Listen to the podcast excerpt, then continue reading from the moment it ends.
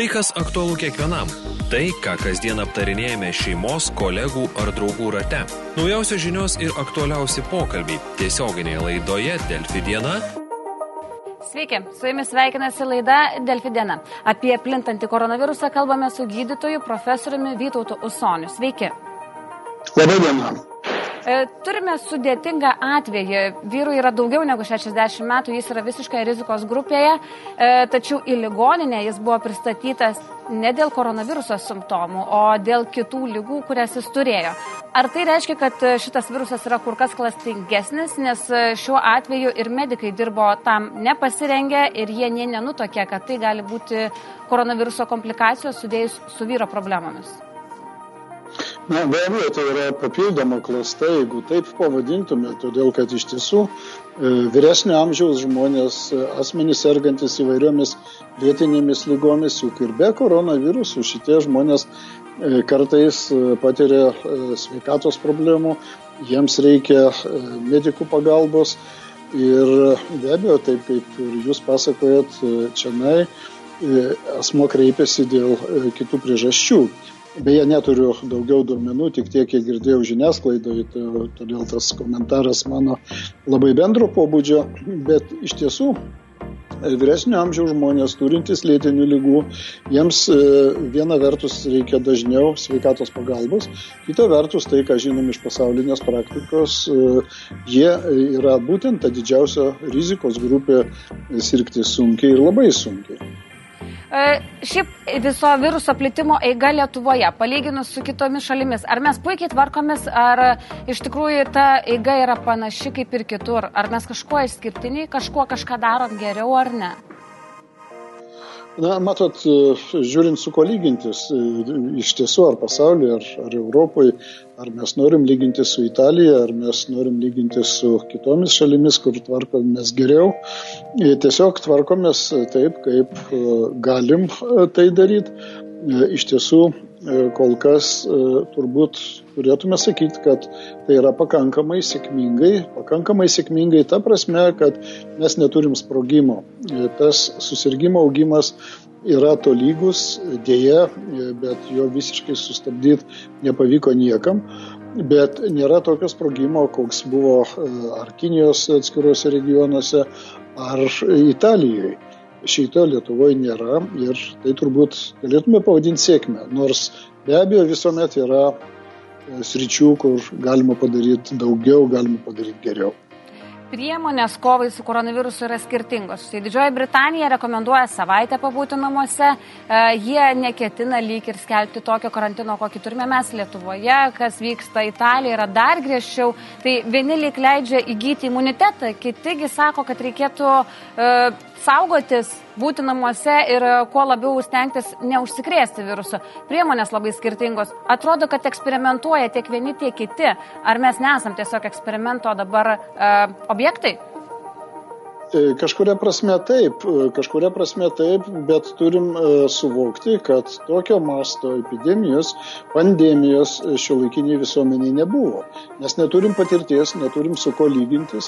Ir be abejo, klasika, užkrečiamųjų lygų plitimo klasika sako, kad yra infekcijos šaltinis, yra plitimo keliai, yra imly visuomenė, atitinkamai mūsų poveikio kryptis šiandien mes žinom, kad nieko negalim padaryti infekcijos šaltinių atžvilgių, kol kas neturim vakcinos, kol kas neturim prieš virusinių vaistų. E, tuomet lieka tas e, poveikis į plitimo kelius. Kaip galima labiau riboti plitimo kelius, apsaugoti žmonės nuo užsikrėtimo. O toliau jau prasideda ne tik tai medicinos, ne tik tai epidemiologijos, bet labai daug kitų veiksnių, visuomenės veiksnių, visuomenės gyvenimo būdas, e, išryškinant e, didžiausios rizikos grupės ir galvojant, kaip jas galima apsaugoti. Ir čia tikrai įvairovė yra didžiulė. E, karantinas. Čia yra ta viena iš, vienas iš būdų tiesiog apsaugoti save, tiesiog turėti kuo mažiau kontakto. Mes nesam labai drausmingi karantino nurodymams. Ir iš tikrųjų yra žmonių, kurie dar gal nelabai tiki, kad čia reikėtų saugotis. Jie galvoja, kad, na, turbūt išpūstos burbulas, aš jaunas, sveikas, man nieko nenutiks. E, ar yra gerai taip galvoti ir ką mes galėtume tokiems žmonėms pasakyti, kurių yra toks požiūris? Na, šiandien jau tikrai daug ką galim pasakyti. Viena vertus, net jauniems, sveikiems žmonėms tai nėra nekalta infekcija. Vis daugiau gydytojai kalba apie plaučių fibrozę kaip liekamosius reiškinius po persirktos koronavirusinės infekcijos, tos reiškinius, kurie gali pasireikšti gerokai vėliau, po dešimtmečio, šiandien jauniems žmonėms. Mes turėtume turėti omeny, kad ir jaunus žmonės, bet sergančius gretutinėmis lygomis ir čia vėlgi labai aiškios rizikos grupės, pirmoji eilėje plaučių lygos, kardiologinės lygos, diabetas. E, įvairaus amžiaus žmonės serga tokiom lygom. Ir jau nekalbant apie tai, kad na, jauni žmonės e, turėtų pagalvoti apie vyresnius, e, apie asmenys vyresnius nei 60-65 metų, kuriems koronavirusinė infekcija gali būti itin sunki ir itin grėsminga. Plaučių, Dar kita vertus. Taip, plaučių fibrozė jūs įvardijot kaip vieną iš pasiekmių, ar galite paaiškinti truputėlį plačiau, kas tai yra? Na, labai vaizdžiai kalbant, e, persirgus šitą viruso infekciją, e, plaučių audinyje, plaučiuose vietoj to audinio, kuris užtikrina mūsų plaučiuose dujų apykaitą, atsiranda randas, kuris yra neveiksmingas randinis audinys.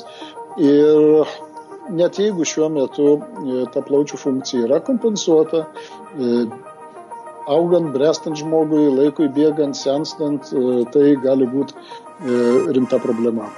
E, buvo jau ne viena žinia apie kūdikius, kuriems yra e, diagnozuotas koronavirusas. Ar taip pat šiems kūdikiams, kuriems buvo diagnozuotas, yra tikimybė, kad pasiekmes liks visam gyvenimui? Na, matot, kol kas sunku pasakyti, todėl kad iš tiesų na, neturim patirties. Iš tiesų reikia pamatyti, kaip toliau vystysis epidemija, kaip jausis persirgę žmonės, lengviau, sunkiau persirgę žmonės. Tam viskam truputį reikia laiko. Šiandien e, apie tai tikrai anksti kalbėti, nors žinom, kad e, vaikai, e, maži vaikai, jauni vaikai serga lengviau ir čia vėl daug mislių, kodėl, kalbant apie imuninio atsako skirtumus, mažų vaikų, jaunų vaikų ir suaugusių.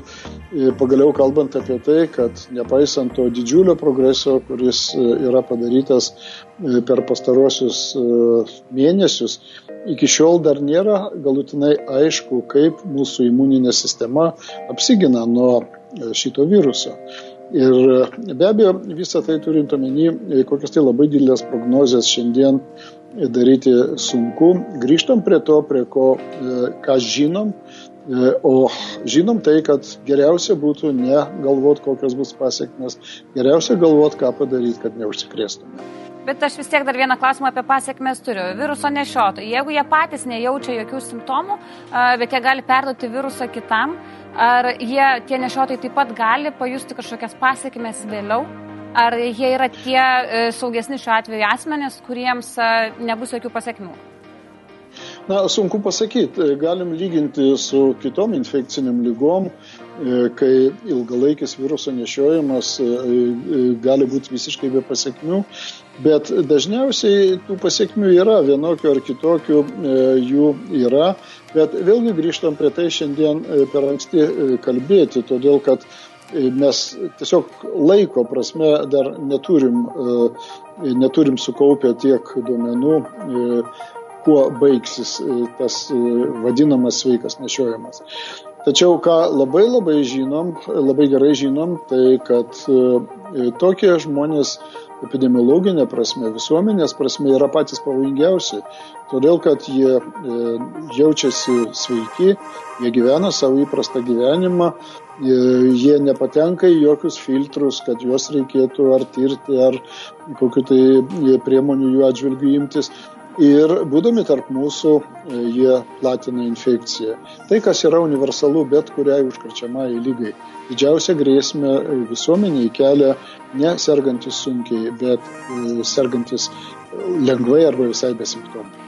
Mes e, kurį laiką koncentravomės e, tirti tuos, kurie grįžta iš šalių. E, dabar kalbam apie tai, kad tyria ir tuos, kurie turi sunkesnių simptomų, tikėtina, kad turėjo kažkokį ryšį, santykius su tais grįžusiais. Bet iš tikrųjų, ar mes pakankamai žmonių tyriame, kad žinotume realią situaciją Lietuvoje viruso paplitimo?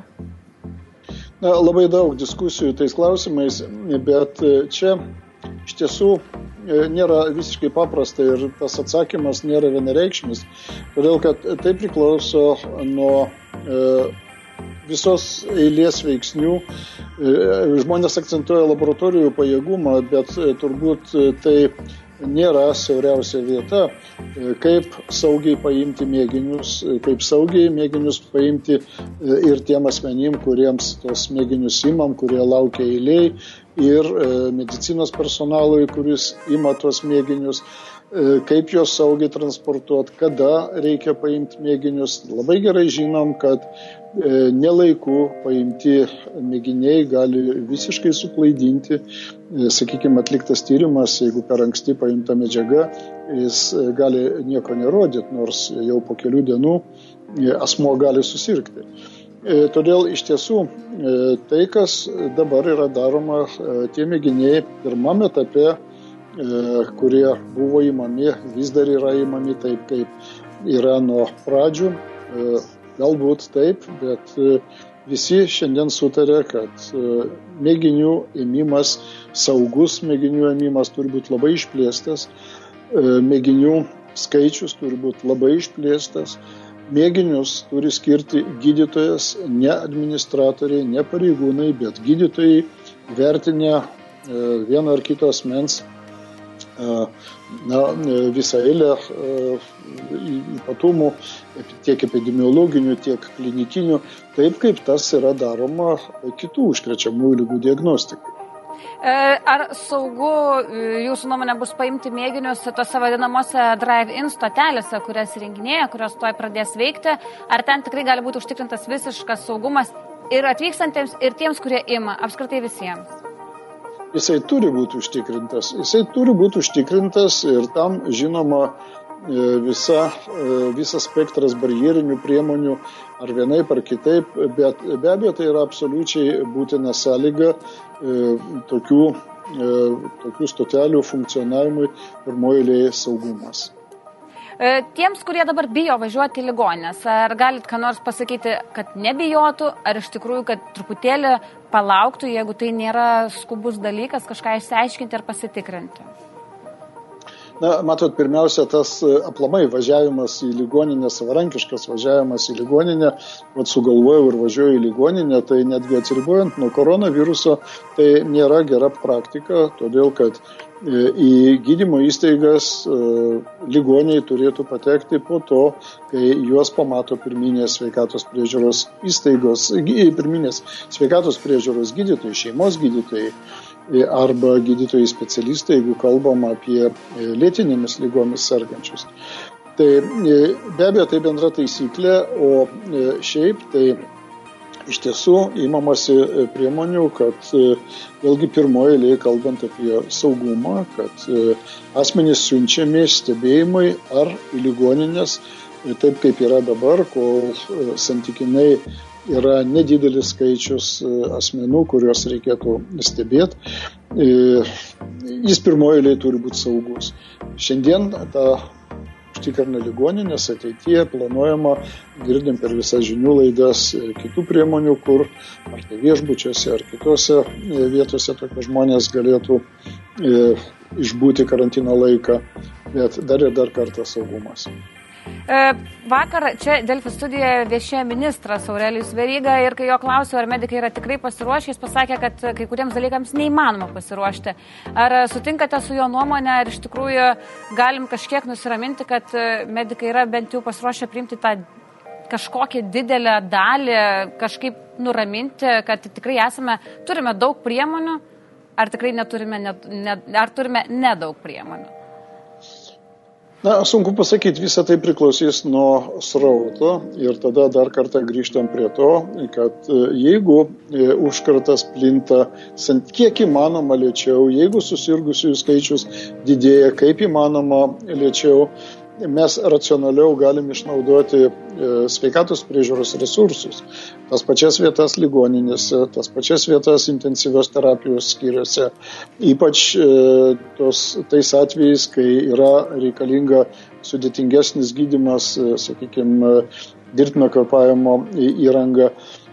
Tai iš tiesų čia ir taip ir ne, galim ir sutikti ir nesutikti su ministro pasakymu, todėl kad viena vertus mes nežinom, kaip greitai plėtosis ta epidemija, kita vertus galim sakyti, kad visuomet, kaip gerai bebūtume pasiruošę, visuomet yra kažkas, ką galim padaryti geriau arba daugiau. Dvi Bet savaitės. be abejo, tai yra, didžiulis, tai yra didžiulis iššūkis visiems, tiek medikams, tiek visuomeniai. Dvi savaitės karantino. Tiek turime paskelbti, jau kelios dienos praėjo. Net jeigu žiūrėtume į patį geriausią scenarijų, kas gali nutikti ir kaip gali būti suvalytas virusas, ar tikrai net geriausiame scenarijui mums užteks dviejų savaičių, ar reikėtų nusiteikti ilgiau pabūti namuose? Na, tos dvi savaitės yra tas pirmas terminas, turint omeny tai, kad inkubacinis periodas didžiai daugumai užsikrėtusiųjų yra dvi savaitės. Tai mes kalbam apie tai, kad grįžo mūsų tautiečiai iš Italijos, grįžo iš Ispanijos, grįžta iš kitų kraštų ir dabar jie grįžę, tarp jų be abejo grįž ir sergančių lengvomis formomis ir besimptomių nešiotojų ir įsilieja į mūsų visuomenę. Po dviejų savaičių mes pamatysim, ar jie padidino sergančių infekuotų asmenų skaičių ar ne. Po dviejų savaičių, turint omeny jau ribojamą judėjimą tarp atskirų šalių, jau mes galėtume kalbėti apie tai, kad mažiau esam priklausomi nuo kontakto su užsienio šalimis, jau priklausomi nuo to, kaip procesai vykstosi, vystosi mūsų šalyje. Tai šita prasme tas dviejų savaičių terminas jis yra toks, po kurio jis yra būtinas pradedant griežtus veiksmus, o jo trukmė, taip girdžiu, aš žinau, Kiek ir kaip turėtume suvaldyti virusą, kad jau galėtume kiek atsipūsti ir iš tikrųjų vėl gražinti tą laisvą judėjimą tarp šalių? Na, vėlgi, kalbant apie epidemiologijos terminais, tuomet, kai visuomenė įgys pakankamą imunitetą. Tai gali būti padaryta dviem būdais - arba persirgus, užsikrėtus tą infekciją ir ją išgyvenus lengviau ar mažiau sergant arba skiepijant vakcinas. Vakcinų kol kas nėra. Reiškia, vienintelis kelias yra infekcija, ją užsikrėsti, ją persirgti. Ir kalbant apie saugumą, kalbant apie tai, kaip greitai gali susidaryti turinčių imunitetą asmenų mūsų visuomeniai proporcijos, šiandien sunku prognozuoti tai. Ačiū Jums labai, kad prisijungėte. Mes bendravome su profesoriumi gydytoju Vytautu Usoniu. Ačiū dar kartelį, kad pakalbėjote su mumis. Klausyk, Delfi.